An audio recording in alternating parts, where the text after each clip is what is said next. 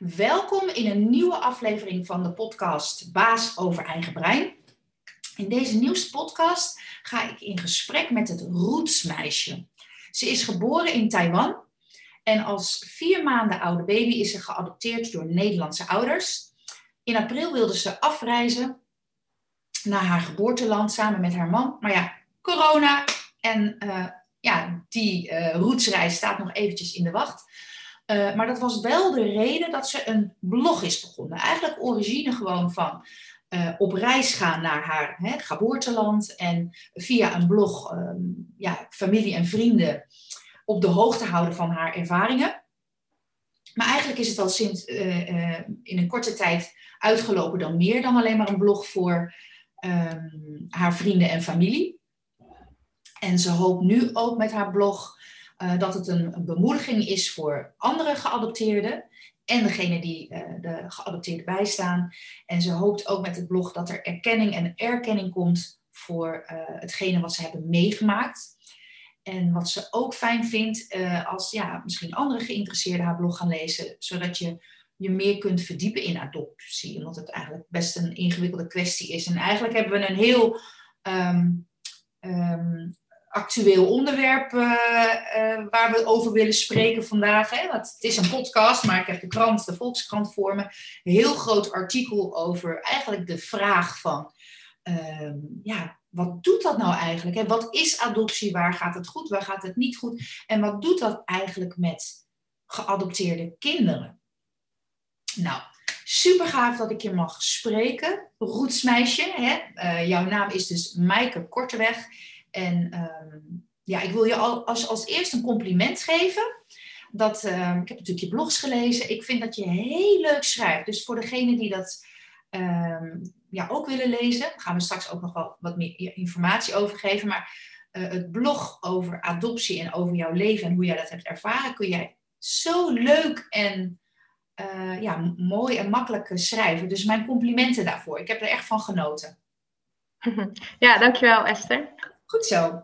Uh, eerst misschien maar even jouw leeftijd ook. Uh, ja, ik ben 25 jaar. Ja. Dus, uh, ik vind het al best oud, maar sommige mensen vinden het nog heel jong. Precies, je bent echt nog in de bloei van je leven, Maaike. Geniet ervan. een van de, ik heb natuurlijk eventjes de, de, blogs doorgelezen en wat aantekeningen gemaakt. En um, wat je ook schrijft, uh, ja, je schrijft dat ik al zei heel, heel, heel fijn en praktisch, maar je schreef, je schreef ook van domme vragen over adoptie. Uh, laat ze alsjeblieft achterwege. En wat had je nou ook alweer voor vragen die je moeder soms ook uh, kreeg van eet ze alleen maar rijst of zo? Ja, dat ik ja, echt... ja, ja. Kook je nu iedere dag rijst voor haar of zo? Ja, dat soort ja. vragen. Ja, ik, ben wel, ik vind wel, domme vragen bestaan niet, maar soms, ja, ja um, Soms gaat, ja. het soms gaat het gewoon, ga je gewoon te ver als je dat soort vragen stelt, inderdaad. Of, of lust je ook lumpia's? Of lust, lust je dan ook gewoon boerenkool? Oh ja, ja, ja precies. Oh. Dat soort vragen. Ja, nee, dat, dat, er zijn echt wel domme vragen. Ja. ja. ja. en een van de eerste vragen die in mij opkwam. Ik heb me eigenlijk nooit echt bezig gehouden met adoptie. Ik dacht, oh wat fijn dat andere mensen, hè, kwetsbare kinderen, een kans geven. Verder, voor de rest, als je er niet mee te maken hebt, dan denk je er eigenlijk niet over na. En dan zouden er ook best wel domme vragen voorbij kunnen komen. Natuurlijk ook misschien bij mij vandaag. Maar waar ik me wel over, wat ik me afvroeg van hoe is dat nou als je dan toch in principe twee moeders hebt? Zou je daar iets over kunnen uh, delen? Ja, het is eigenlijk heel erg uh, gek, omdat je weet dat het zo is, maar um, je hebt diegene nog nooit gezien. Als mensen het aan mij vragen, geef ik altijd een beetje zo'n standaard antwoord van ja, als ik haar nu tegen zou komen, zou ik haar niet eens herkennen. Dus uh, wat voor soort moeder is het dan voor je? Ja. Um, terwijl, ja, het is wel een soort uh, iets waar je gewoon heel vaak over fantaseert en nadenkt van ja, hoe zal dat dan zijn? Hoe lijk ik op haar of lijk ik niet op haar? En uh, dat maakt het gewoon best wel, ja, maakt adoptie in zich heel gewoon best wel complex omdat er gewoon altijd een stukje is wat je niet weet. Ja, ja, ja. En heb je daar, toen je jong was, had je daar toen behoefte aan om dat uit te zoeken? Um, ja, ja, wisselend. Aan de ene, ik, ik vond, uh, ja, het wisselde gewoon heel erg. Aan de ene kant had ik dat wel, Maar aan de andere kant zag ik ook dat dat, zodra ik dat uitsprak, dat bij mijn ouders dat ze dan zoiets hadden van, oh, ehm, help. En ja, dat maakt het gewoon heel erg lastig, omdat je niet je ouders teleur wil stellen. En ik noem ze trouwens gewoon mijn ouders, niet mijn pleegouders of uh, mijn adoptieouders. Dat vind ik zo'n raar woord. Het zijn gewoon mijn ouders. En ehm, ja, dat, dat maakt het voor mij wel heel erg lastig. En uh, ik hoor je zeggen, hè, mijn ouders en dan help. Wat is dat help? Dat zij in hun gevoelens aangeraakt werden? Of wisten ze gewoon praktisch niet hoe ze daarmee om moesten gaan? Ja, ik denk beide. Ik denk dat, dat mijn ouders bang waren om mij kwijt te raken. En ook denk ik wel dat het ook voor hen heel complex is. Want je weet denk ik toch ergens wel in je hoofd, ja, dat komt natuurlijk ook in die artikelen nu terug, die uh, ja, gepubliceerd zijn afgelopen week, dat, dat het best wel complex is en dat het niet altijd onder uh, omstandigheden zijn dat een moeder afstand doet van haar kind, dat het ook echt, um, ja, dat de moeder daarmee eens is, zeg maar. Ja. Of, en, en, en is het, dat, die situatie snap ik, hè, dat je daar uh, als ouder gevoelens over kan hebben, maar, maar sec met de adoptie zelf. Want ik, ik probeer me dat dus ook echt voor te stellen hoe dat dan is. Hè? Dat kan natuurlijk niet, want dat kan je alleen maar uh, omschrijven als je het zelf hebt meegemaakt. Maar zou je daar iets, of heb je daar gesprekken over gehad nu inmiddels met je ouders?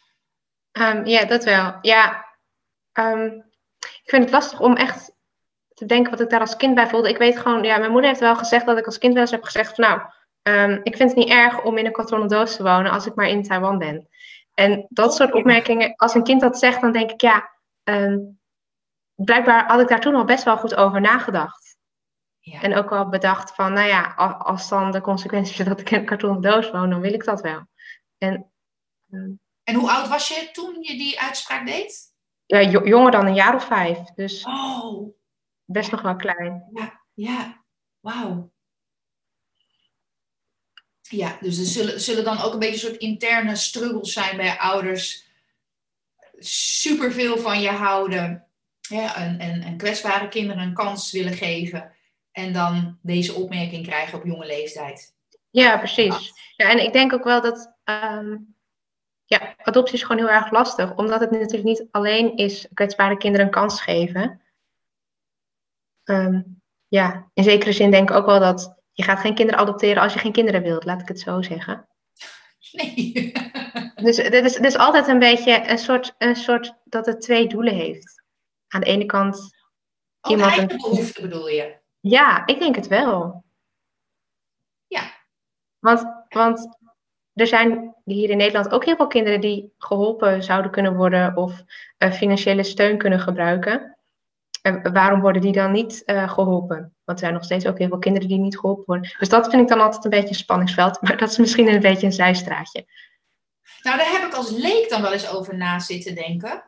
Um, dan hebben we eigenlijk precies hetzelfde wat jij zegt. Er zijn volgens mij in Nederland ook uh, kinderen die misschien beter ergens anders kunnen wonen. Hè, de omstandigheden, heeft niemand schuld aan. Waarom, hè, maar dan zeg ik misschien dus heel kort door de bos, waarom halen we ze dan van zo ver?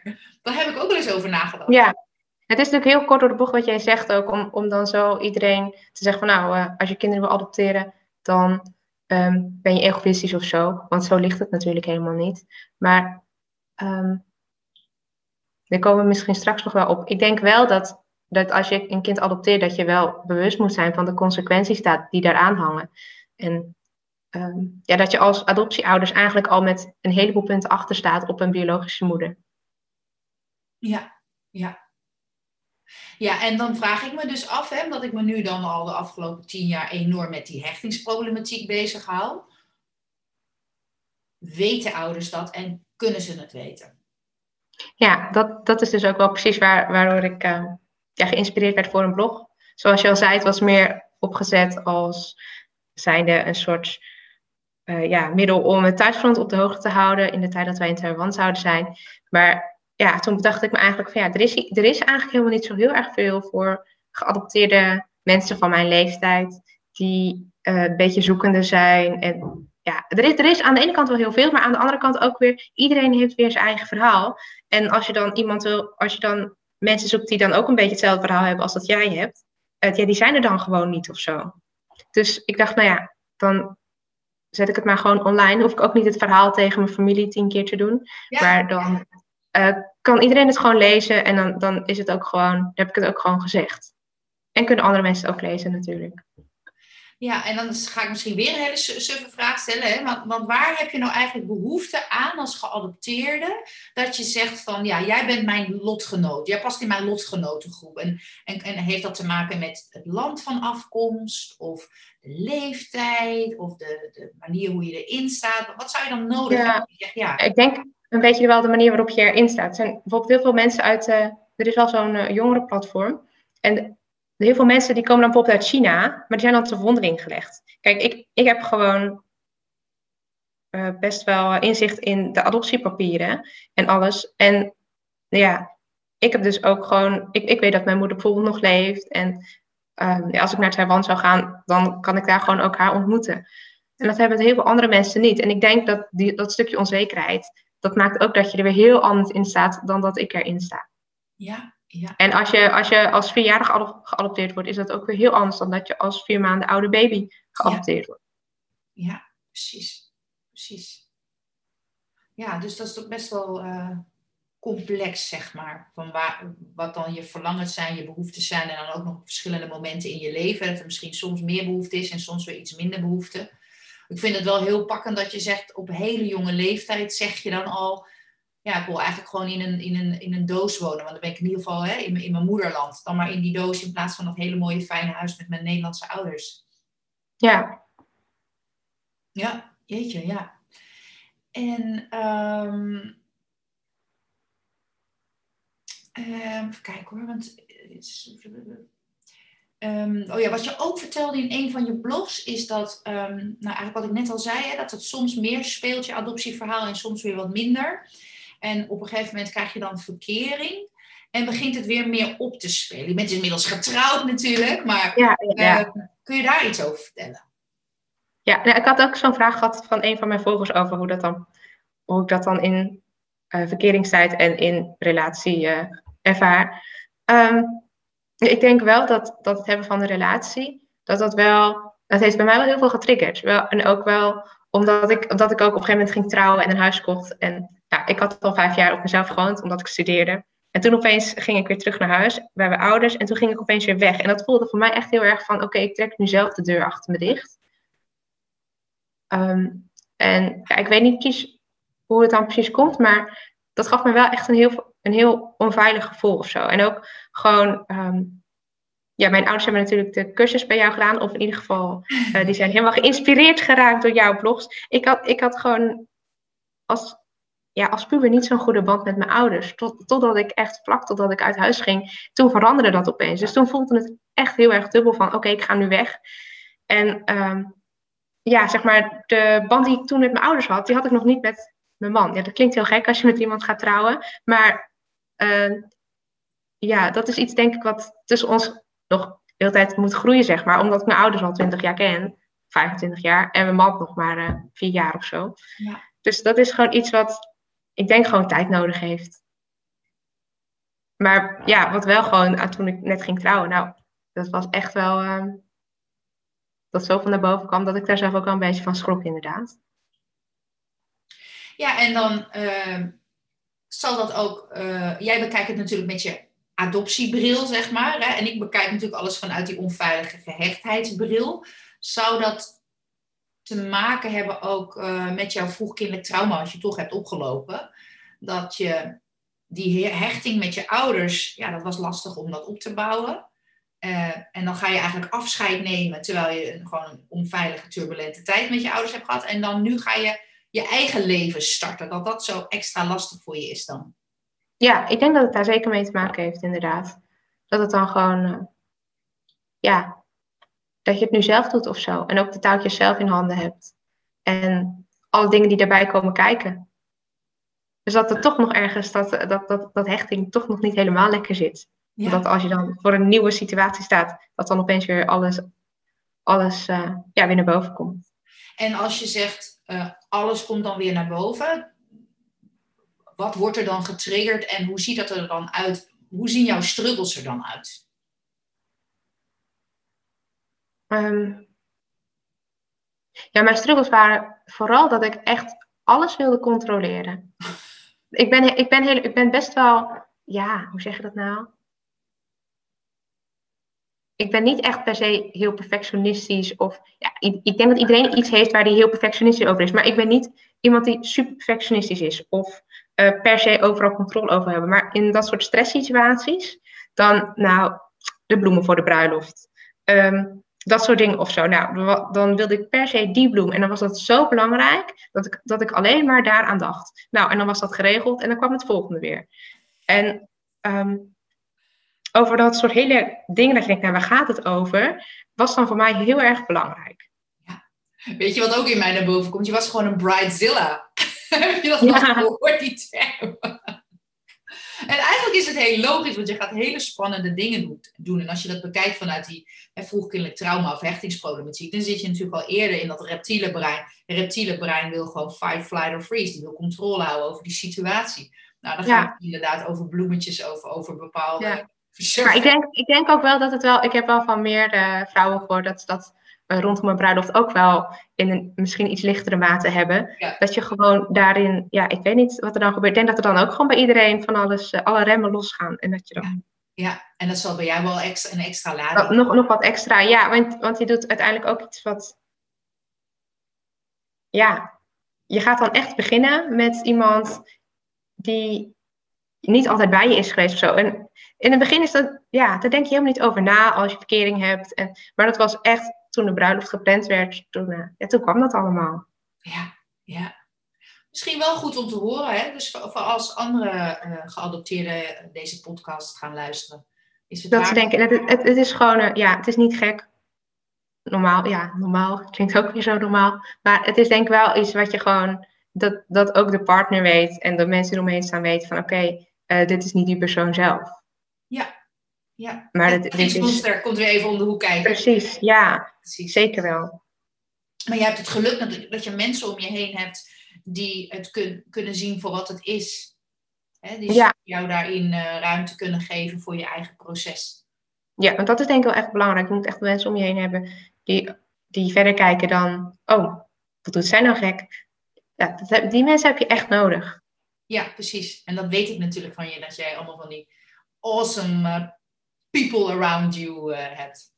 yeah. Ik had het awesome moms and dads. Dus, uh, en uh, in, je, um, in je blog schrijf je ook dat je in je jonge jaren dat je best wel hier en daar therapie ook hebt gehad voor hè, je uitdagingen. Wisten ze, heb je eigenlijk ooit de diagnose ook gehad, de hechtingsproblematiek? Of was het gewoon kijken of ze jou konden helpen met gedrag? ja, dat heb ik wel gehad in de zin van dat de kans was er kans was dat dat ontwikkeld zou worden. Oh, oké. Ja, ja. Maar ik heb, ik heb zoveel lepeltjes gehad dat ik het ook op een gegeven moment ook niet meer weet. En uh, ja, ja. Wat heb je allemaal uh, autistische... Oh, dat niet. Maar oh. ADHD of oh, ja. en ADD. Oh, ja. En um, ja, ik denk dat dat over het algemeen wel een beetje was. Oké. Maar wel ook, ja, Um, oh ja, borderline komt ook heel vaak langs dan. Oh, nice. Omdat je jonge leeftijd al. Ja, ook, omdat je natuurlijk ook met uh, dan, ja, met dat, rondom die bruiloft had ik ook heel veel emotionele buien en dat ik het ook allemaal niet meer zo goed wist. En dat soort dingen komen dan allemaal um, langs. En ik heb er ook wel therapie voor gevolgd, maar of ik daar nou echt, nou ja, of dat nou echt was wat ik nodig had, dat weet ik gewoon niet. Ik, ja. ik heb ook het idee dat de, de normale, de reguliere GGZ, dat, dat, dat hechtingsproblematiek ook niet helemaal daarin past. Nee, nee. Als je het dan hebt over cognitieve therapie, hè? Of gedrag. Precies, ja. ja. ja. En ja, die mensen doen allemaal hun best, maar ja, ik, ik snap ook, het zal waarschijnlijk ook allemaal via een bepaald uh, protocol, hoe het dan allemaal moet. Maar ja, ik heb gewoon heel vaak heel lang op een verkeerde wachtlijst gestaan. En op een gegeven moment word je dan ook een beetje therapie moe. Ja, ja, dat schreef je ook inderdaad. Ja, ja. Ja, ik heb toevallig ook een, een andere podcast opgenomen met Marcia Struik. En zij maakt zich eigenlijk sterk voor de hulpverleners. En dan de hulpverleners weer laten werken vanuit hun hart. En wat jij ook zegt, hè, het is heel erg met protocollen.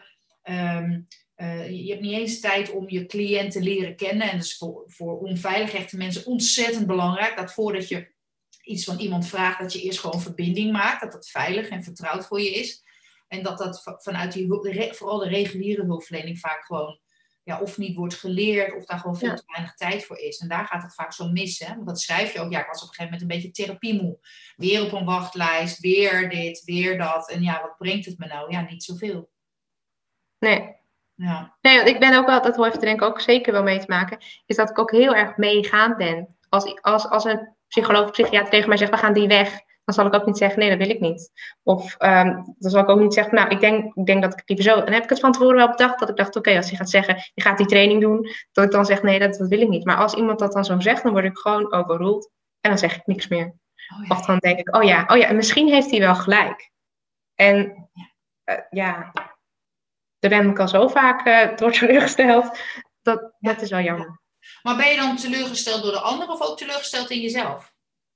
ik denk allebei wel een beetje. Ook wel omdat ik dan denk, ja, ik weet gewoon wel wat ik nodig heb. Maar dan laat ik me dus nu weer door een ander um, vertellen wat ik, wat ik bijvoorbeeld nodig heb. Want ik weet gewoon dat ik een klein voorbeeldje aangemeld ben voor, omdat ik dacht, nou ja, hechtingsproblematiek, ik ervaar die dingen allemaal. Misschien is dat het wel in plaats van ADHD. Maar dat je dan toch bij de ADD binnenkomt en dan eerst een paar cursussen moet volgen, die gewoon standaard zijn. Maar dan ben je alweer een jaar verder. En dan, ja, heel, er gaat gewoon heel veel tijd overheen. En dat is zo jammer. Ja. En vooral het gevoel dat je niet gehoord bent. Of dat ze dan toch denken, ja, maar dat hoort toch daarbij. Ja, ik snap dat het lastig is, maar... Maar jij voelt je dus eigenlijk als jongere en nu als volwassene daarin niet serieus genomen en niet gehoord. Ja, precies, ja. Ja, dat hoor ik ook van heel veel ouders terug. Dat ze zich niet ehm, gezien en gehoord en serieus genomen voelen. En ik denk dat ouders het vaak toch best wel goed weten hoor, wat hun kind nodig heeft. Ja. Ehm, dat je je onderbuikgevoel eigenlijk al wel, wel meer kan vertrouwen, zeg maar, dan een hulpverlener die zegt, nou laten we toch maar eerst uh, uh, die therapie proberen. Dat denk ik wel. Ja, zeker. Hey, en wat vind je nu dat mensen zouden moeten weten over adoptie? Um, ja, wat, wat ik vooral belangrijk vind is uh, dat het niet alleen, adoptie niet alleen gezien wordt als iets van, oh, um, je geeft uh, kinderen die nu kansloos zijn of weinig kansen hebben, geef je nu een kans. Want um, ik vind het heel lastig om te zeggen. En ik denk ook dat er mensen als die dit luisteren, dat ze erover vallen.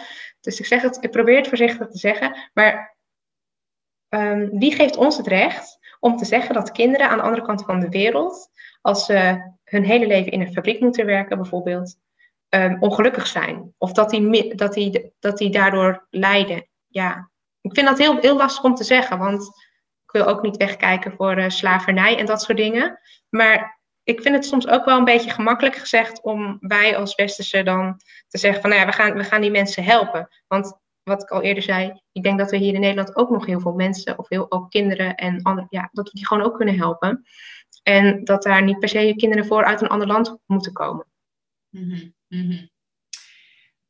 En hoe vind jij het dan, dat is misschien een hele persoonlijke vraag, maar hoe vind jij het dan dat jij geadopteerd bent? Ja, vind, vind ik lastig. Kijk, ik kan het nu niet terugdraaien. Maar ehm, ik denk dat ik wel liever bij gewoon mijn familie opgevoed zou willen zijn. Ja. Ik, denk, ik denk dat familie toch wel boven rijkdom gaat. Of boven uh, dat je naar school kan of studeren. Of ja. Dat, ik, ik denk wel dat iedereen het recht heeft om gewoon bij zijn eigen familie op, op te groeien. Ik denk dat dat wel altijd wel het beste is. Ja. En er zijn natuurlijk altijd gevallen die een uitzondering zijn. Um, maar ik vind het gewoon lastig hoe dan soms gedaan wordt over dat het dan echt een liefdadigheidsdaad is. Want ja, uiteindelijk zijn er altijd. Je doet het ook niet uh, alleen om. Je wil ook, denk ik, ergens een kind dan. Ja. ja. Ja. ja, inderdaad. Dat is waar. Dat is waar. En um, dit is misschien een beetje complexe vraag, maar wat, wat ik als leek, hè, wat, kan, wat zou ik nou beter kunnen begrijpen over adoptie? Je hebt het natuurlijk al over dat het dus um, complex is en hè, dat het niet alleen maar is die kwetsbare kinderen helpen, maar dat het ook een stukje eigen verlangen is, wat er ook misschien wel mag zijn. Hè? Dat is niet per se slecht. Nee, want ik denk dat gewoon biologische ouders met kinderen dat ook hebben, denk ik. Ja, ja. Ik denk ook dat dat niet, niet, niet verkeerd is, maar een kind moet niet, zeg maar. ehm, ik heb soms het idee dat, dat het hebben van een kind. Ja, ik ben zeg maar opgegroeid in een christelijk milieu, ik ben nog steeds christen. En eh, het hebben van kinderen is wel heel erg belangrijk. En ehm, ja, ik vind het lastig om er iets over te zeggen, want ik ben niet ongewenst kinderloos. Maar ja. soms wordt het, het hebben van een kind zo belangrijk gemaakt, alsof je leven niet af is eh, zonder kinderen. En dat, dat vind ik dan wel best lastig of zo. Dat ik denk, ja, eh, dat wringt dan soms een beetje. Ja, ja. Als je begrijpt wat ik bedoel, ja. Ik, ik, eh, ik, ik, ik beluister jou en ik bewonder jou als leek. Dus ik, ik vind het altijd lastig om dan eh, daar ook iets over te zeggen, omdat ik dat gewoon echt niet weet. Maar ik vind het wel fascinerend om naar jou te luisteren. En ik vind het ook wel mooi en moedig en bijzonder dat je daar ook eerlijk in durft te zijn. Want dat lijkt me niet makkelijk. Nee, nee, en ik bedoel nu ook helemaal niet dat mensen die kinderen hebben geadopteerd dat dat verkeerd is of zo. Want ik denk dat het geen goed of slecht is. Maar het zijn wel dingen dat ik denk, dat moet je, wel, dat moet je je wel beseffen. Dat, dat het niet alleen mooi is. En wat, als een kind helemaal ontspoort? Kijk, met mij is het dan nog redelijk goed gekomen. Maar stel dat een kind helemaal ontspoort en je wordt er als ouders helemaal gek van. Dat kind terror, terroriseert je hele leven. Ik kan me dan gewoon voorstellen dat een adoptiekind, dat, dat je daar makkelijker afstand van doet dan van een eigen kind. En dan denk ik, ja, dat is iets wat een adoptiekind, dat mag echt nooit gebeuren. Een kind wat al afgestaan is, dan nog een Ja. keer de deur wijzen. En dat Nou, is iets wat ik daar kan wel ik wel iets over. Met, met die pet, hè, dus als het ontspoort, daar kan ik natuurlijk wel iets mee zeggen. En, en daar maak ik me altijd wel een beetje, nou, soms wel een beetje, nou, kwaad is een groot woord. Maar denk ik, ja, het is wel leuk. Helemaal omdat we natuurlijk ook in de krant lezen dat het een soort van, wie zei dat ook alweer? Eh, dat vond ik wel heel erg hoor. Maar voormalig topambtenaar Chibbe Woudstra, die zegt ook, ehm, het systeem werkt als een eh, witwasoperatie voor kinderen. Toen dacht ik, zo, het is niet mijn uitspraak. Maar ik heb natuurlijk zoveel eh, ouders op mijn pad die eh, met een enorm groot liefdeshart die kinderen uit andere landen adopteren. En dan gaat het enorm mis. Ja, en dan worden ze eigenlijk niet goed begeleid hè, vanuit dat vroegkindelijk trauma waar ze dan mee te maken krijgen. Daar zijn ze helemaal niet voor opgeleid natuurlijk. Dan heb je gewoon alleen hele liefde. Nou, kijk, kijk naar jouw ouders, hele lieve ouders. Maar dan moet je opeens aan een Olympische, ik zeg altijd zo'n Olympische taak beginnen. Het opvoeden van kinderen is, eh, met hechtingsproblemen is topsport. En als dat, ja, als dat bekend is en het wordt niet goed aan ouders gedeeld en je krijgt dan kinderen uit, uit het buitenland en nou ga er maar aan staan. Dat vind ik dan wel heel, uh, dat vind ik gewoon niet dat dat kan gebeuren. Dat het mag. Nee. En dat, heeft, dat is natuurlijk jarenlang zo geweest. Ja, kijk, mijn ouders hebben ook in het begin wel gedacht van nou.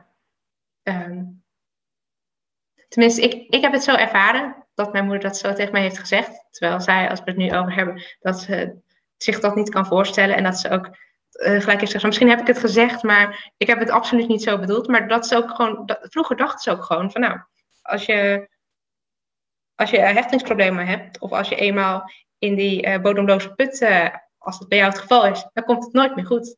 Dat dachten, ja, ik weet niet of ze dat allemaal dachten, maar sommige mensen, en ik heb het gewoon ervaren dat mijn moeder een keer tegen me had gezegd van, uh, ja, ja, ik denk niet dat je ooit van iemand kan houden. En dat, dat soort uitspraken, ja, dat vergeet, vergeet je nooit meer. Ook al heeft moeder het misschien helemaal niet zo bedoeld, of heeft het misschien gezegd, maar bedoelt het heel anders. Dat zijn wel dingen die je dan um, meeneemt. En ik kan me ook voorstellen als je ouders bent en je hebt gewoon altijd het gevoel dat wat je erin stopt, dat krijg je nooit terug. Um, dat het dan heel zwaar is en dat je dan denkt, waar ben ik eigenlijk aan begonnen? Maar dat wordt nooit gezegd. Dat wordt nooit op zo'n, denk ik, bijeenkomst, of dat lees je ook nooit in die boekjes van adoptieouders, dat dat gebeurt. Maar dat is denk ik wel wat heel vaak gebeurt, dat ouders zoiets hebben van, ik heb er geen grip op. En dat is denk ik wel iets wat ik graag als boodschap wil hebben van, um, als je er al zo in staat, zo van, oké, okay, um, ja, dat, kost van, dat vraagt mij ook een offer, dat je dan misschien al wel een heel goede ouder kunt zijn voor je kind. Maar dat je wel moet weten van, oké, okay, um, als dat dan gebeurt, is het niet per se persoonlijk bedoeld, maar dat is gewoon het trauma van het kind. Ja. En niet dat, dat hij nu tegen mij is of zo. Ik, weet je wat, wat ook in mij opkomt? Het woord taboe. Dat er taboes zitten op dat, uh, op dat ad adoptieleven, zeg maar. En als adoptieouder. Um, het is goed dat ouders niet zeggen, als ik dit van tevoren had geweten, was ik er niet aan begonnen. Maar dat voelen ze en denken ze wel op hun donkere momenten natuurlijk. Ja, ik heb het soms ook gedacht over mijn ouders. Dat ik dacht, dat is toch erg? Dat, dat je als je twee kinderen adopteert met de allerbeste bedoelingen. En nou, mijn broertje en ik waren echt niet leuk. Toen wij waren echt niet leuk. Dat ik echt dacht, en van hulpverlenen, hulpverlenen. En dat ik echt dacht, ja, dat, dat, ik, ik snap wel. Ik zou dat denk ik ook niet leuk vinden. Nee. Ik zou dan ook soms, dus ik zelfs, ik zou dan afvragen, had ik het maar niet gedaan? Ik heb het ook wel eens gevraagd. Maar ik weet niet meer wat ze toen precies daarop zeiden, maar ja, je gaat, je gaat toch wel natuurlijk van een kind houden en zo. Maar ik kan me het gewoon wel heel goed voorstellen dat ouders dan soms denken van, waar ben ik aan begonnen? Had ik het maar gewoon niet gedaan? Ja. Ja. Ja, het is heel complex inderdaad. oh, ik moet ook aan je ouders denken. Denk oh, ze zijn zo fantastisch. Ze hebben het echt zo zwaar gehad. Maar weet je wat ook wel mooi is? Dat jij hier nu zo zit. Hè, en dat ik met je in gesprek ben. En dat het voor je ouders zwaar is geweest. En voor jou zwaar is geweest. Dat je struggles hebt gehad. Maar je hebt toch uiteindelijk je leven op de rit. Want ik probeer wel altijd mijn kennis ook te delen en te verzamelen vanuit hoop. Hè, en vanuit kansen. En dat heb je ja. ook weer mooi voor jezelf neergezet. Drie jaar geleden had, had dit nooit gekund. Zoals we dat nu, had ik er ook niet zo over kunnen praten. En uh, wat ook heel vaak dan bijvoorbeeld is, hè, als iemand 18 is geweest, ja, dan uh, kun je de trek aan wat je wil, maar het gaat niet meer veranderen. Ik ben 25, uh, eh, ik was al lang de 20 gepasseerd. En ehm, mijn ouders hebben toen bij jou natuurlijk, er zitten best wel veel ouders met jonge kinderen. Dus die zaten daar nog met twee volwassen kinderen die uit huis waren de cursus doen. Maar ja. het heeft ons wel heel veel gebracht als gezin. Oh, kijk, dat is ook goed om te horen. Kleine testimonial zo in het interview. Oh, ja. ja. Oh, maar ik, oh, ik, heb, ik geniet, maar ik heb heel erg van ze genoten, maar ik geniet ook heel erg van je ouders. Ze zijn... Dan moet je, moet je een keer een podcast met hen opnemen. Ja, nou, wellicht, wellicht. En ook het, eh, het proces, kijk, vrouwen zijn wat opener en wat, wat hè, ze staan er toch anders in. Maar jouw vader, hoe, als ik zie hoe hij op, op, toch op, op, iets oudere leeftijd toch oprecht geïnteresseerd is om het beter te snappen, jullie beter te snappen, zichzelf beter te snappen. hij is zelfs met tools aan de slag gegaan. Hè? Dus, want ik, ik, ik deel natuurlijk in mijn trainingen de tools en methodes voor, hè, voor jong tot uh, zeg maar beginvolwassenheid. Maar hij heeft toch dat kunnen vertalen naar, nou, ik neem het mee in bijvoorbeeld uh, benadering van je broer, bijvoorbeeld in een aantal dingen. En uh, ja, dat zijn natuurlijk, dat, dat noem ik dan awesome moms en dads, hè, die zijn fantastisch. Maar ze hebben het natuurlijk ook heel zwaar gehad. En ze hebben ook inderdaad momenten gehad dat ze dachten, waar zijn we aan begonnen? Ja, maar dat, dat is denk ik ook wel echt wat je als adoptiekind wil ervaren. Niet ouders die zeggen, nou, ik denk dat jij een probleem hebt. Ik denk dat jij uh, dit en dit niet kan of zo. Maar ouders die um, zeg maar op een bepaalde manier ook gewoon aan zichzelf uh, gaan werken en manieren gaan zoeken naar uh, hoe ze wel betere communicatie met hun kind tot stand kunnen brengen. Dat gaf mij zo'n gevoel van, oké, okay, um, Tuurlijk, mijn ouders hebben altijd van me gehouden. Maar toen ik merkte dat ze daar echt gewoon ook dingen van zichzelf uh, voor op het, ja, met zichzelf wilden gaan werken. En ja, dat, dat geeft je denk ik, gaf mij in ieder geval heel veel dat ik dacht, oké, oké, het is dus echt wel, het is wel echt serieus. Het is niet alleen dat ze, maar ze gaan ook, um, ja. Doen. Ze gaan het ook doen, zeg maar, ja. En bedoel je dat ze dat eigenlijk uh, pas veel later zijn gaan doen dat ik bijvoorbeeld op hun pad was? En dat ze, dat voorheen meer, dat ze voorheen meer hadden, oh ja, mijn kind moet gefixt worden? Van de um, ja, ik denk ook dat het ook een stukje onmacht is, dat ze het gewoon niet wisten. Dus ze hebben niet de juiste informatie, niet, de juiste niet de juiste, nee, precies, nee. Nee. Ik denk dat dat vooral wel ook wel is. Want dat vind ik altijd wel een beetje pijnlijk om te horen. Hè? Want die pleegwereld en die adoptiewereld, dat is niet mijn wereld. Maar je zou denken dat wat ik heb verzameld in al die jaren, dat dat daar wel al aanwezig is. Dat als je een, voor een pleegkind gaat of voor een adoptiekind, dat ze daar dus die tools hebben waar die ouders mee aan de slag kunnen. Ja. Maar dat is ik bij heb, ik heb zelf niet echt het idee, nee. Nee, nee.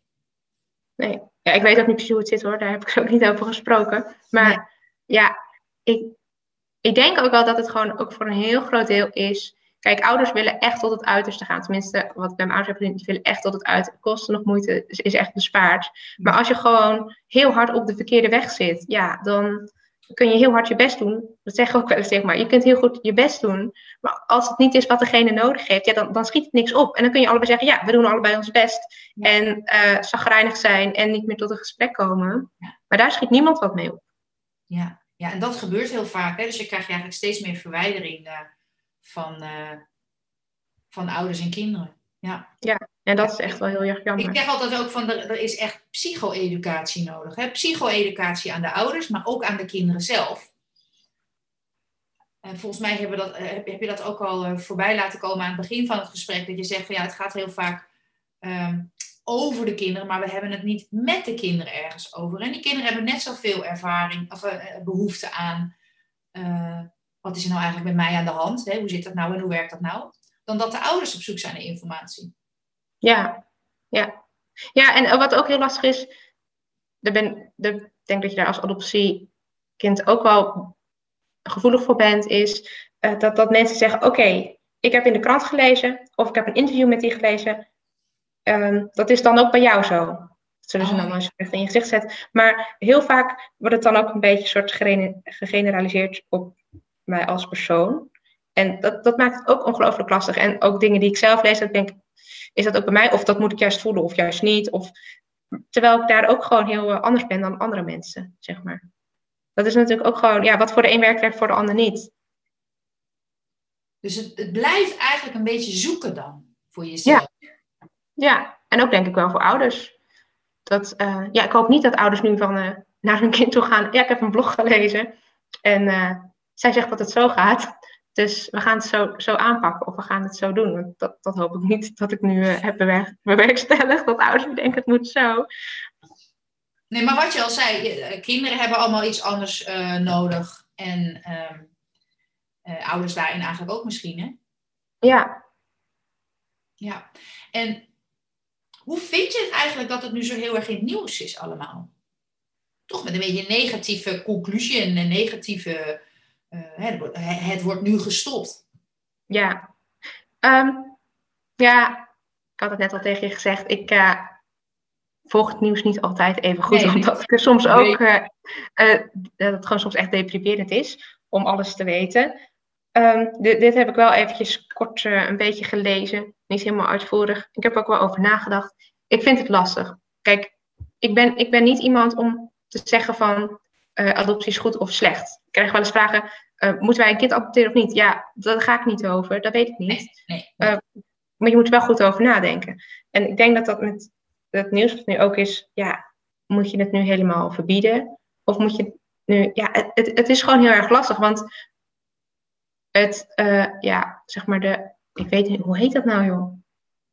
Niet de adoptievereniging. Of misschien wel. Ja, ik weet niet. In ieder geval, al mijn, de administratie die rondom mijn adoptie allemaal gedaan is, dat is gewoon heel erg compleet. Ik heb gewoon een hele complete map waarin gewoon echt alles staat. Nou, er zijn misschien wel kleine dingetjes die niet, niet zo zijn. Kijk, er stond bijvoorbeeld dat mijn moeder uh, op het Engels, of, uh, Engels had gehad. Nou, ik had dus uiteindelijk contact met iemand, een contactpersoon die dan contact had met mijn biologische moeder. En die zei dus dat ze geen Engels kon. Oh. Dat soort kleine dingetjes dat het dan wel een beetje kan afwijken. Maar over het algemeen klopt dat gewoon allemaal. Ik hoef niet bang te zijn dat, dat ik opeens een kind ben van iemand anders. Of nee, ik, geloof, ik heb niet de indruk dat dat het geval was bij mij. Um, dus dat maakt zo'n situatie ook wel heel anders.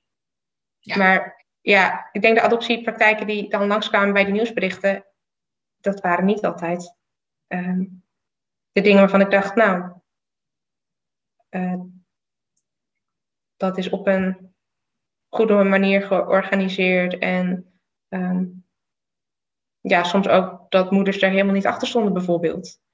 Ja, dat is wel heel erg, hè? Ja. Ja, en dat, dat maakt het wel lastig. Ja. Ja, ik vind het gewoon heel lastig om, om nu te zeggen van adoptie is goed of slecht, omdat dat, ja, het is gewoon heel, heel uh, lastig. Het is denk ik iets wat iedereen voor zich moet beslissen, maar wel vind ik het belangrijk dat mensen weten, oké, okay, het is niet alleen maar mooi. Ja, dat mag je wel delen inderdaad. En ik ben ook wel benieuwd, wat is het percentage wat gewoon fijn en goed is gegaan, waarvan de kinderen goed terecht is, zijn gekomen? En over welk percentage hebben we het nu waarin het dus heel erg mis is gegaan? Hè? Want dat is natuurlijk, daar kun je een nuance in aanbrengen dan. Ja, dat denk ik ook wel. Ja. ja. En um, stel je voor dat mensen jou benaderen of zien in jouw gezin. En ze willen daar meer over weten of ze willen een gesprek starten. Eh, en ze zijn daar een beetje onzeker over. Hoe zouden ze jou kunnen aanspreken? En zou je dat fijn vinden om het steeds maar weer over die adoptie te hebben? Uh, of, of, of, wat is een, juiste manier om jou daarover aan te spreken? Wat vind je dan fijn?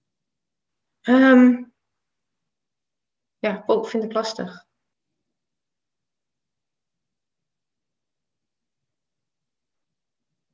Ja, voor mij is adoptie niet iets wat je even tussen neus en lippen door bespreekt.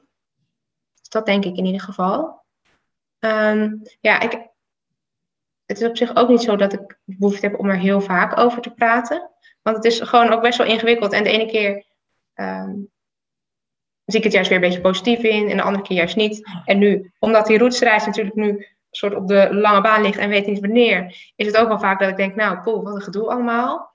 Dus um, ja, vind ik lastig. Maar ik sta er echt zeker wel open hoor, voor open om erover te praten. En uh, zeker ook wel voor mensen die bijvoorbeeld het zelf ook hebben meegemaakt. Maar mensen die dan willen vragen van hoe dat dan allemaal. Of je alleen maar reist eet. ja, ja. Ja, dat soort dingen. Ja, ik vind het, ik vind het lastig. Ik heb zelf niet echt per se de behoefte om er gigantisch vaak over te praten. Of bij iedere verjaardag dat we het dan daarover hebben. Nee, dat, dat heb ik op zich niet. Maar ik vind het bijvoorbeeld wel, wel kijk, als mensen vragen, oké, hoe staat het nu voor? Of um, waar ben je mee bezig? Zeg maar, dan, dan komt zo'n gesprek op een wat meer natuurlijke manier op gang. Ja. Voor mij is dat fijn om te horen, hè? want als ik bijvoorbeeld heel duidelijk zie, oh ja, je hebt zeg maar blonde ouders of blanke ouders, en ik zie dat jij natuurlijk anders eruit ziet, mag ik daar dan over beginnen? En wanneer is dat dan een, een, fijn moment en op wat voor manier? Dus het is fijn dat je dat in ieder geval dan in dit gesprek deelt, dat andere mensen daar gewoon over na kunnen denken. Ja, ja en kijk, ze mogen wel vragen, uh, maar ik ben, altijd, ik ben dan wel altijd een beetje iemand die dan ook wel gelijk erbij wil zeggen van dat het niet alleen mooi is. Want heel veel mensen hebben zoiets van, oh mooi, je hebt, je hebt hier meer kansen gehad. Of je kon hier in ieder geval wel naar school. Oh ja. Um, en ik weet bijvoorbeeld ook, um, dat stond ook in de adoptiepapieren, dat uh, mijn biologische moeder was 17 toen ze mij kreeg. En ze had toen een, een relatie met een, uh, een, jongen die was een jaar ouder. En die had gezegd, oké, ik wil dat je het weg laat halen. En dat wilde ze niet. Um, maar goed, kijk, dat is niet echt een verhaal wat je dan even als iemand zegt, oh, ben je geadopteerd? Dat je dat dan zo gelijk vertelt. En dat maakt, ik vind dat dan soort wel, dat, ja, um, ja dat, dat, maakt het gewoon lastig. Het is niet een onderwerp wat even snel voorbij komt of zo. Nee. nee, dat is goed om te weten. Maar wel als je over andere dingen vraagt, als je dus zeg maar vraagt naar de roetsreis, dan komt het op een ja, precies. lichtere manier ja. kan het voorbij komen. Ja. ja. Eigenlijk is het dan wel lastig om jullie eh, tussen haakjes dan te helpen. Want je weet als buitenstaander niet van in welk stukje van je proces zit je. Misschien zit je in een beetje moeilijkere periode, heb je misschien behoefte aan ja. gesprekken. Uh, maar wij, dat kan ik zelf ook wel aangeven. Ja, wij weten dat dan niet, zeg maar. Hè? Nee, ik zit gewoon zo te denken. Dat ik denk, oh, straks dan uh, op mijn werk of zo, dat mensen dan opeens vragen. Ja, dat zijn dan echt bepaalde situaties dat je daar gewoon helemaal niet over nadenkt. Uh, nee, dat je dan daar ook iets over te zeggen. En dan is mijn, wat ik erover vertel, is dan ook heel anders dan dat, ik, dat we het nu bijvoorbeeld erover hebben. Ja, ja. En ik schat ook vaak een beetje mensen in dat ik denk, oké, volgens mij zijn dit mensen die uh, een soort van. Kijk, als je met. Um, als je met je eigen mening en ideeën komt en je wil dat bevestigd hebben, ja, dat voel je ook wel een beetje aan. Of iemand dan van, oh ja, ik heb, ik heb ook een nichtje en daar is het zo dat, dat voel ik dan soort aan. En dan, dan weet ik al gelijk hoe ik ga antwoorden. Want dan ga ik daar helemaal niet zo heel diep op in. En dan gaan we het inderdaad hebben over de lumpia's en de boerenkool. Uh, terwijl, ja. ja, sorry. Ja, dus eigenlijk schat je in welke, eh, ga je de, de light version geven? De ja, precies. Ja, versie. Ja, dus mensen hoeven echt niet bang voor me te zijn dat ik nu opeens uh, heel boos word of zo. Nee, dat niet. Maar um, ja, ze moeten wel even goed, goed nadenken wat, wat je dan uh, ja, of het echt interesse is of dat het meer uh, nieuwsgierigheid is van, oh, nou, hoe zit dat dan precies met die lumpia's? Dat. Er zijn gewoon best wel veel mensen die dan iets willen vragen, maar dan, ja, dan niet echt willen luisteren naar het antwoord. Dat is het misschien meer. Dat is een heel lang antwoord van mij om iets kort te zeggen.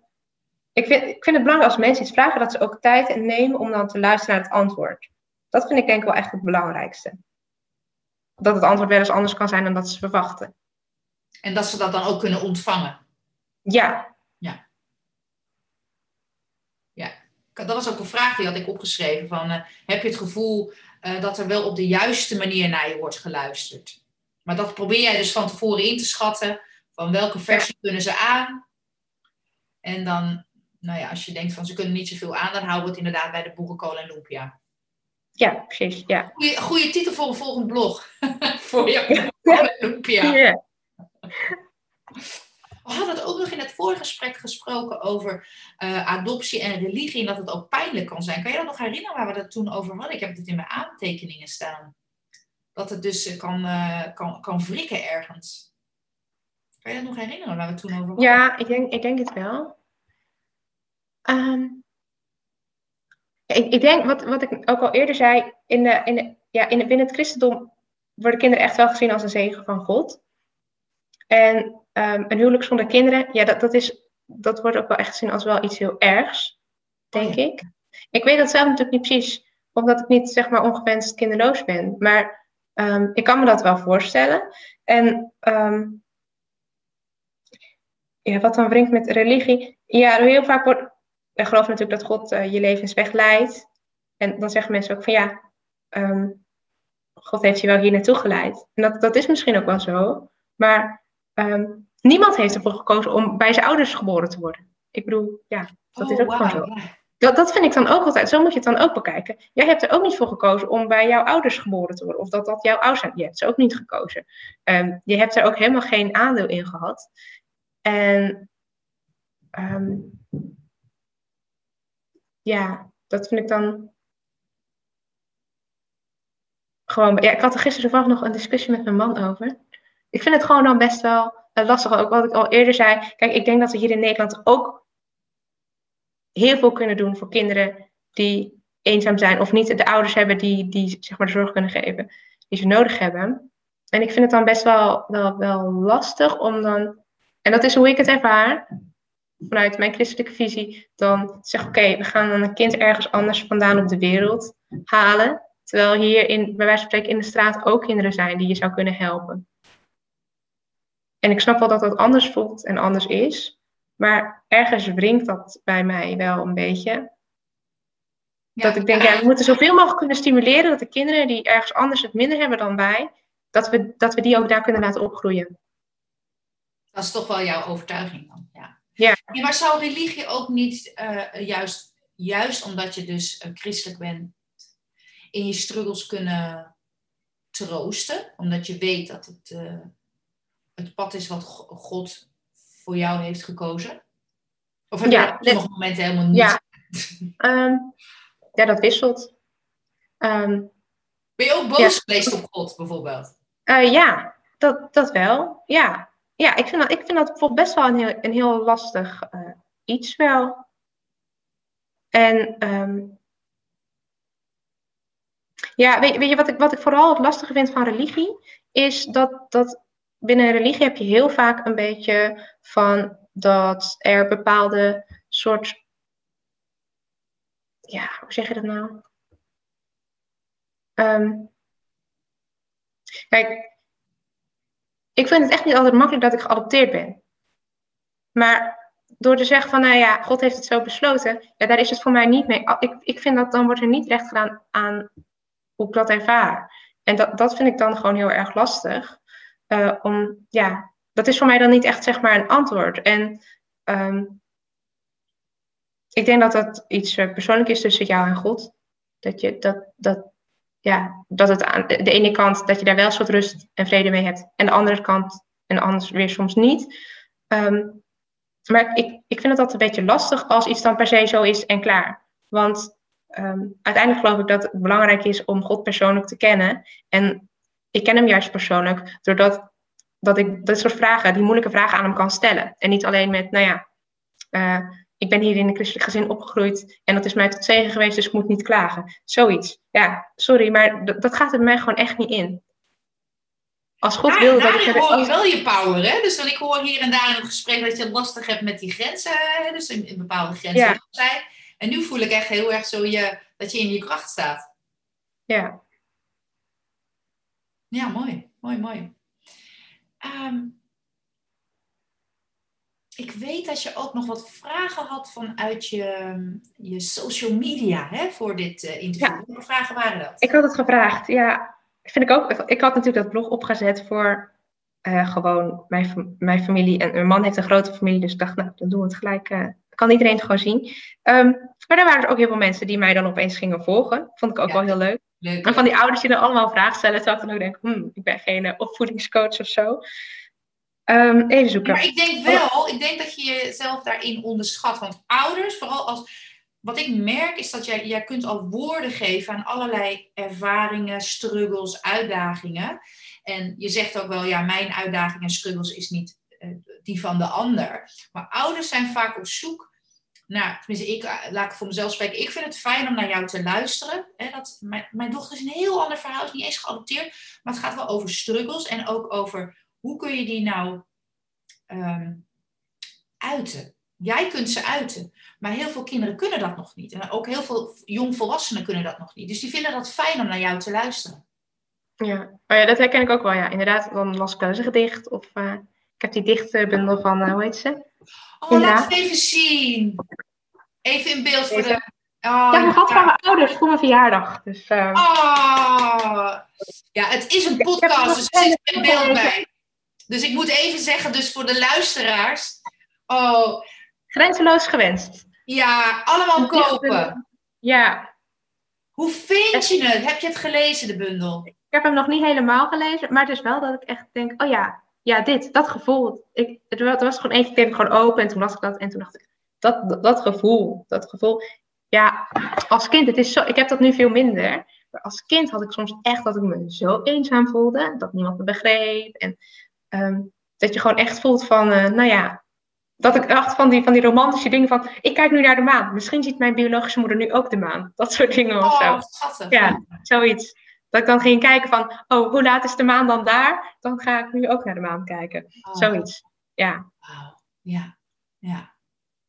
Ja, en nog even terug naar die vragen van de social media. Hè? Dus, uh, want toen zei je zei iets waardoor ik dus ging antwoorden van, joh, het is heel fijn om naar jou te luisteren, omdat andere ouders die hier misschien naar gaan luisteren, die hebben kinderen die nog niet de woorden hebben gevonden. Ja, ja dat ik me geen opvoedingscoach. Uh, oh ja, dat, dat je ja, precies. Ja. Ja. Daar krijg soms ook wel eens boze reactie. En dat maakt me gewoon wel dat ik denk, oh, uh, ja, kijk, mijn mening, hoe ik erin sta, is ook maar een. Ik ben ook maar een persoon die een bepaald gevoel woorden geeft. En uh, het is niet de waarheid of zo, of dat het alleen maar zo is. En ja, waarheid. ja, ik krijg ook wel eens mensen, oh, nou, waarom zeg je dat? En dat is toch helemaal niet aardig. Maar ik wil ook graag een beetje mensen prikkelen. Dus ja, daarom... zie je hoe krachtig je daar ook in bent. Dat durf je dan gewoon. En, en iets online zetten en iets delen op social media en in een blog, daar is echt ook moed voor nodig. Want je weet... Maar ik vind dit wel makkelijker hoor. Ik vind dit makkelijker dan dat ik tegenover een psycholoog zit en zeg van nou, ik wil, ik wil toch niet de ADHD-training doen. Ik vind dit echt zoveel makkelijker. Oh, grappig. Is misschien, misschien hoort ze het nog ooit. Misschien hoort ze het nog ooit. Nee. Ik, ik zal er even in de hashtag erbij zetten straks, als we het online gooien. Ach, arme Ja, ze doen ook maar hun best. Ja, precies, precies. Ze zijn slaaf van het systeem, zoiets denk ik. Even kijken, ik had ja, ouders die dan, uh, ja, ik vind dat dan best wel zodat ik denk, oh, oh, blijkbaar vinden ze wel dat ik goede dingen zeg. Even kijken hoor. Ja, de vraag over bij relatie, ja, dat hebben we eigenlijk al wel een beetje gehad. Over het vroegkinderlijk trauma een rol speelt bij het aangaan van een relatie. Ik denk sowieso dat dat voor iedereen anders is. Um, ja, so, ja, ik denk ook, je hechtingsstijl kan natuurlijk ook heel verschillend zijn. Ja. En um, ja, kijk, ik, ik, was, ik was als kind gewoon niet zo van dat ik bij mijn ouders op schoot wilde zitten en wilde kroelen bijvoorbeeld. Dus ja, ik, ik denk dat het ook een beetje afhankelijk is van. Maar ik heb ook kinderen die dat juist weer wel heel erg zijn. Ja, het heeft allerlei verschillende verschijningen. Dus ja. dat is wel een beetje lastig. Maar ik denk zeker, dat heeft zeker uh, invloed op het aangaan van een relatie. Enorm. Enorm, ja. Ja, en ik denk ook wel, ik denk als je ook, uh, ja, als je partner uh, zeg maar geadopteerd is of te maken heeft met vroegkindelijk trauma, ik denk dat dat ook voor degene die daarmee een relatie aangaat, dat dat ook wel een hele uitdaging is. Dat je dat ook van tevoren moet. Ja, want je kan, ja, je kan wel weer zeggen, nou, ik, ik zie dit niet zitten. Dat heb ik dus ook een keer gehad met een verkering. Iemand die zei, nou, dat zie ik gewoon niet zitten. Um, ja, ik bedoel, dan denk ik ook van, uh, ja, dat kan je eigenlijk dan gewoon niet maken. Ja, ehm, je kan niet zeggen, er werd toen letterlijk gezegd, je, hebt zoveel problemen, dat, uh, dat, dat wil ik niet.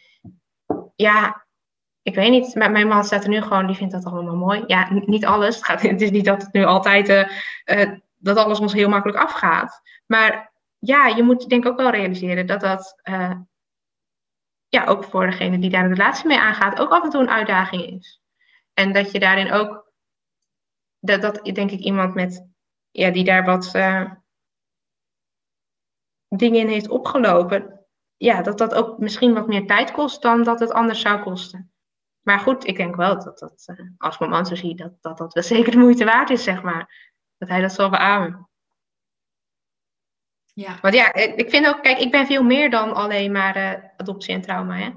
Dat maakt ook dat ik lastig vind om antwoord te geven op de vraag: hoe moeten mensen jou uh, dan daarvoor benaderen? Ik ben veel meer dan alleen dat. Dat vind ik mooi gezegd. Ja. Uh, even kijken hoor. Ik had nog een vraag. Wat zou je mee willen geven aan de huidige generatie adoptieouders? Mooie vraag. Mooie vraag, ja. Um,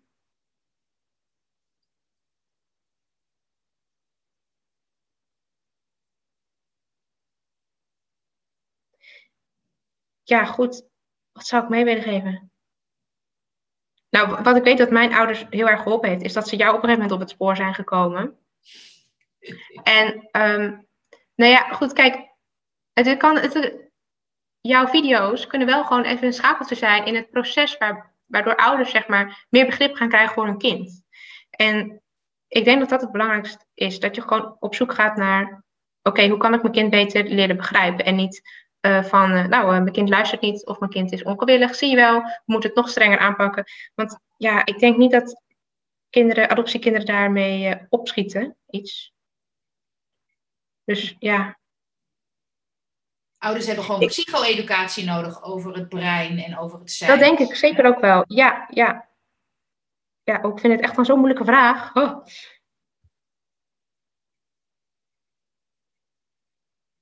er zijn gewoon zoveel dingen. Ja, alles wat ik nu gezegd heb, dat zijn allemaal wel dingen die ik denk wel mee wil geven. Ja. Gewoon dat, dat, het niet, um, dat het niet makkelijk is. Maar aan de andere kant dat het ook niet. Um... Kijk, ik denk ook, uiteindelijk hoef je er ook niet allebei aan onderdoor te gaan. Dat, het is ook niet de bedoeling dat je kind en jij eraan onderdoor gaat. Want dan, dan zijn jullie gewoon allebei bezig op een verkeerde weg. En um, probeer dan ook te focussen op de dingen die wel uh, goed gaan. Die kleine momenten die wel, uh, ja, dat gaat niet zomaar veranderen. Als, als een kind al uh, tien jaar zo geprogrammeerd dat gaat, dat gaat niet veranderen als je een podcast hebt beluisterd of als je filmpjes kijkt over hoe je ermee om kan gaan en je probeert dat eens twee keer. Ja, daar gaat het niet mee veranderen. Nee. Maar dat is ook de reden dat ik op een gegeven moment ook een jaartraining heb gebouwd. Dat, dat, dat ouders gewoon een jaar lang, hè, dat zeg ik ook, meegaan op hechtingsavontuur. Dat is wat, wat je ouders natuurlijk ook doen. Dat je elke keer weer gaat herhalen, herhalen, herhalen. Dus inderdaad, naar ons luisteren en naar dit gesprek luisteren of een video bekijken, daar ga je dus geen, uh, geen verandering mee uh, krijgen.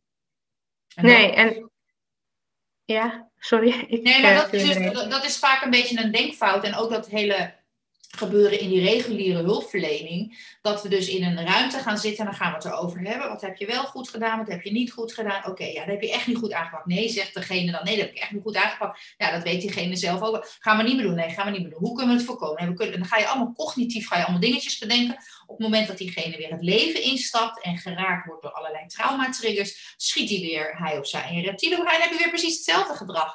Dus dat is waar het zo misloopt dan. Ja. Daar zijn antwoorden voor. En die heb ik gelukkig dan in de afgelopen jaren allemaal verzameld. Uh, maar het zou, ik zeg altijd, mijn werk is klaar als niemand mij meer hoeft te vinden en weet te vinden. En zich niet meer gaat inschrijven. Maar ja, op een of andere manier kunnen ouders en kinderen dat niet op andere plekken vinden. Dus gaan ze online zoeken. Ja. Ja. Nou, dat zeker inderdaad. Dat dat gewoon... Uh... Dat zou niet zo moeten zijn. Ik zou gewoon... Een nee, nou ja, eigenlijk, eigenlijk zou zou, zou gewoon, uh, zo'n zo GGZ-instelling zou dat natuurlijk ook gewoon, uh, toch tenminste, ja, zij zijn toch degene die daarvoor opgeleid zijn. Jij, jij bent niet opgeleid uh, om, zeg maar, jij bent gewoon een moeder die gewoon erin gedoken is. En nou ja, dat, het, eigenlijk is het gewoon heel apart of zo, hè? Dat je gewoon het is heel gek wat er is ontstaan, ja. Ja, ja. Nou, uiteindelijk ben ik, ben ik veel meer dan alleen een moeder hè, met, een, uh, met een verhaal. Ik heb natuurlijk nu wel... Ja, ik ben nu heel gewoon de expert, zeg maar. Maar het, het is toch... Ik, ik vind het gewoon soms best wel heel... heel um, ja, ik heb ook gewoon wel eens gezegd van... Uh, oh ja, tegen mijn psycholoog had ik gezegd dat ik een gesprek met jou had en dat er een podcast kwam. Dus, oh ja, oh ja. Dus... Um, leuk, leuk. ja. ja. Nee, dat is wel, en dat weet ik ook omdat er vaak uh, mensen willen instappen in die uh, online trainingen, hè, maar dat bijvoorbeeld niet kunnen betalen. Dan uh, wordt er dan gevraagd, ja, welke opleiding heeft deze dame dan gedaan? Ja, ik heb natuurlijk heel veel in Amerika gedaan, in Londen gezeten, om daar op mijn eigen trainingen, gewoon bij mijn eigen mensen die ik interessant vind, allemaal gewoon zelf betaald. Maar dat is dan in Nederland niet onder de noemer, wat heb je dan voor opleiding gedaan? Ja, ik heb geen Nederlandse opleiding gedaan. Wel hier en daar wat van die deelopleidingen. Maar ik ben natuurlijk niet opgeleid als psycholoog bijvoorbeeld. Nou, dan is het echt zo. Oké, okay, ervaringsdeskundig. Maar ik ben ja, maar, ja, maar, ja, maar ergens, ik vind dat wel erg. Want um, de psychologen die ik heb gehad, waren er gewoon een paar die kwamen net, die waren net afgestudeerd. Oh, ja. ja. dan denk ik, wat weet je dan? En ik wil daar niet licht over doen hoor, maar ja, dan denk ik soms van, dan waren ze net, net, dan waren ze net zo oud als ik. En dan, ja, ik zal niet zeggen dat je dan niet goed kan zijn, of, maar ja, op een bepaalde manier voel je je dan gewoon soort niet serieus genomen. Ja, ja dat snap ik. En dat is niet zo bedoeld. Aan de andere kant, daar blijf ik ook... Ligt ook niet aan die, die, die mensen, maar gewoon, ja. Heel veel dingen werken niet zoals het in het boek staat. Nee. En zou jij behoefte hebben gehad aan... Uh, want zoals, zoals ik nu maar, zeg maar, mijn jaartraining heb opgebouwd... is juist ouders bij elkaar halen. Dat doen we online natuurlijk. Maar dat, ik vind het zo waardevol om die ouders bij elkaar te hebben dat ze naar elkaar kunnen luisteren. En dat ze dan horen van, oh, die heeft dat ook. Of, oh, oh die, hè, die bijvoorbeeld ook dat ze daar wel of niet mee om kunnen gaan. Of, oh, dat heb ik gelukkig niet, weet je wel. Bij mij is dat nog niet zo erg. Maar dat je zeg maar die, ja, dat lotgenotengevoel uh, hebt. Zou jij daar ook in die heftige jaren, of in die moeilijke jaren behoefte aan hebben gehad? Um, ik was wel een beetje van dat ik me overal tegen afzette omdat ik dacht, ja, ik kan een ander wel mooi voor mij beslissen. Maar ik denk wel dat dat wel, wel goed is. Dat je weet dat er ook andere mensen zijn die dat hebben. En ook weet uh, dat je niet de enige bent. Dat, dat is denk ik echt wel heel belangrijk. Dat je dat, dat weet en ervaart. En, en niet heel vaak, kijk, bij een psycholoog is het, oké, ik weet het allemaal en ik ga het nu vertellen hoe het werkt. En ik heb ook wel mensen gezien die zeiden van, nou, ik heb soms ook wel eens wat jij nu vertelt, heb ik gewoon soms ook. En uh, nou ja, we proberen ons, we doen allemaal ons best om daar zo goed mogelijk mee om te gaan. En we leren je wat tools om kijk, dat soort mensen denk ik van goed, dat, ja, niet. Daar heb ik dan uh, wel zin in om daarnaar te luisteren, of in ieder geval daar ja, uh, mee stappen te maken. Maar niet met iemand die gaat zeggen, oké, jij moet het zo doen, jij doet het verkeerd. Ja, hallo. Dan, Maak het zelf wel uit. Ja, nou ja, precies. Dat, dat toch? Ja. ik denk dat jij wel zo'n persoon kan zijn voor een ander. Hè? Dus als er misschien andere mensen luisteren die geadopteerd zijn, en ook nog die eenzaamheid hebben of nog niet zo hun weg hebben gevonden zoals dat jij het hebt gevonden, dat die het heel waardevol vinden om naar jou te luisteren. Ja, ja, het zou kunnen. Ik weet het niet. Ik weet het wel zeker. ja, het is heel fijn om te horen. Oh, hè, daar heb je zo eentje. Hè, die heeft ook een heel ander verhaal, maar die heeft ook meegemaakt wat ik heb meegemaakt. En dan is het fijn om daarnaar te luisteren. Veel beter wat jij zegt dan naar iemand die daarvoor gestudeerd heeft en zegt wat jij moet doen. Dan heb je geen oplossingen. Dat is dat nee, nee, de oplossing is er niet. Je hoeft, ik vraag ook helemaal niet om een oplossing, zeg maar. Ja. Dat is denk ik ook de, de, ja, het hele ding. Er is niet een oplossing. Je kunt het niet terugdraaien. Er is ook niet een oplossing. Maar um, dat het er kan zijn en dat het oké is hoe het er is, dat is volgens mij al een soort van de oplossing. Ja, ik zie dat we alweer uh, aan de tijd zitten. Kan je nagaan hoe makkelijk dat uh, volgepraat is? Ja. Ja. Uh, waar wil je mee afsluiten? Wat is dat ene ding wat ouders of luisteraars of kinderen zouden moeten weten? Over mm. misschien jouw verhaal of over, jou, of over, over adoptie. Wat is dat ene ding? Ja, ik, ik denk dat dat voor mij is dat er altijd hoop is. Voor ouders, voor uh, mensen die zelf geadopteerd zijn. Dat er gewoon altijd um, hoop is. En laat je dan ook niet uh, wijsmaken dat het er niet is. Of dat het niet meer kan. Of dat je te oud bent. Of wat dan ook. Er is gewoon altijd ehm, hoop om daarmee om te gaan en nieuwe dingen te leren. Ik bedoel, zolang je leeft kun je dingen leren. En dat, ja, dat moet gewoon even gezegd worden, vind ik. Dat, dat is gewoon zo. Zo is dat. Ik vind dat een mooi einde. Dankjewel. Waar kunnen, ze, de, waar kunnen de luisteraars jouw uh, blog vinden? Het Roetsmeisje. Um, ja, ze kunnen het uh, op Facebook vinden, want ik heb een Facebookpagina. Uh, maar de blog zelf, daar staat ook een linkje naar de, de website. je kunt het vinden, ik zal het even voorlezen, op um, roetsmeisje.blogspot.com. En um, nou ja, Facebook en Instagram gebruik ik dan onder de naam Roetsmeisje om af en toe eens eventjes uh, aan te geven dat er wat nieuws is. Dus ja, daar zou je hem eventueel ook kunnen vinden. Maar ja, mijn blog zelf kunnen ze gewoon op uh, roetsmeisje.blogspot.com vinden. Yes, nou, ik zou iedereen willen uitnodigen. Ga het lezen. Ik, wat ik al zei, ik vond het echt zo mooi en fijn geschreven. Net alsof ik met jou in gesprek ben, zoals nu. Nou, vond je dit een interessante podcast? En beluister je dit dus op een uh, podcastplatform, geef uh, deze podcast een like of een abonnement of hoe dat dan ook werkt. En um, ja, op deze manier krijg je dus volgende podcast van Als hechten niet vanzelf gaat en baas over, brein, uh, baas over eigen brein in je, in je mailbox of je krijgt er een melding van. Dus dan hoef je de volgende podcasts niet meer te missen. Um, Maaike, heel erg bedankt voor je gesprek van vandaag. En luisteraars, dankjewel voor het luisteren en tot de volgende podcast.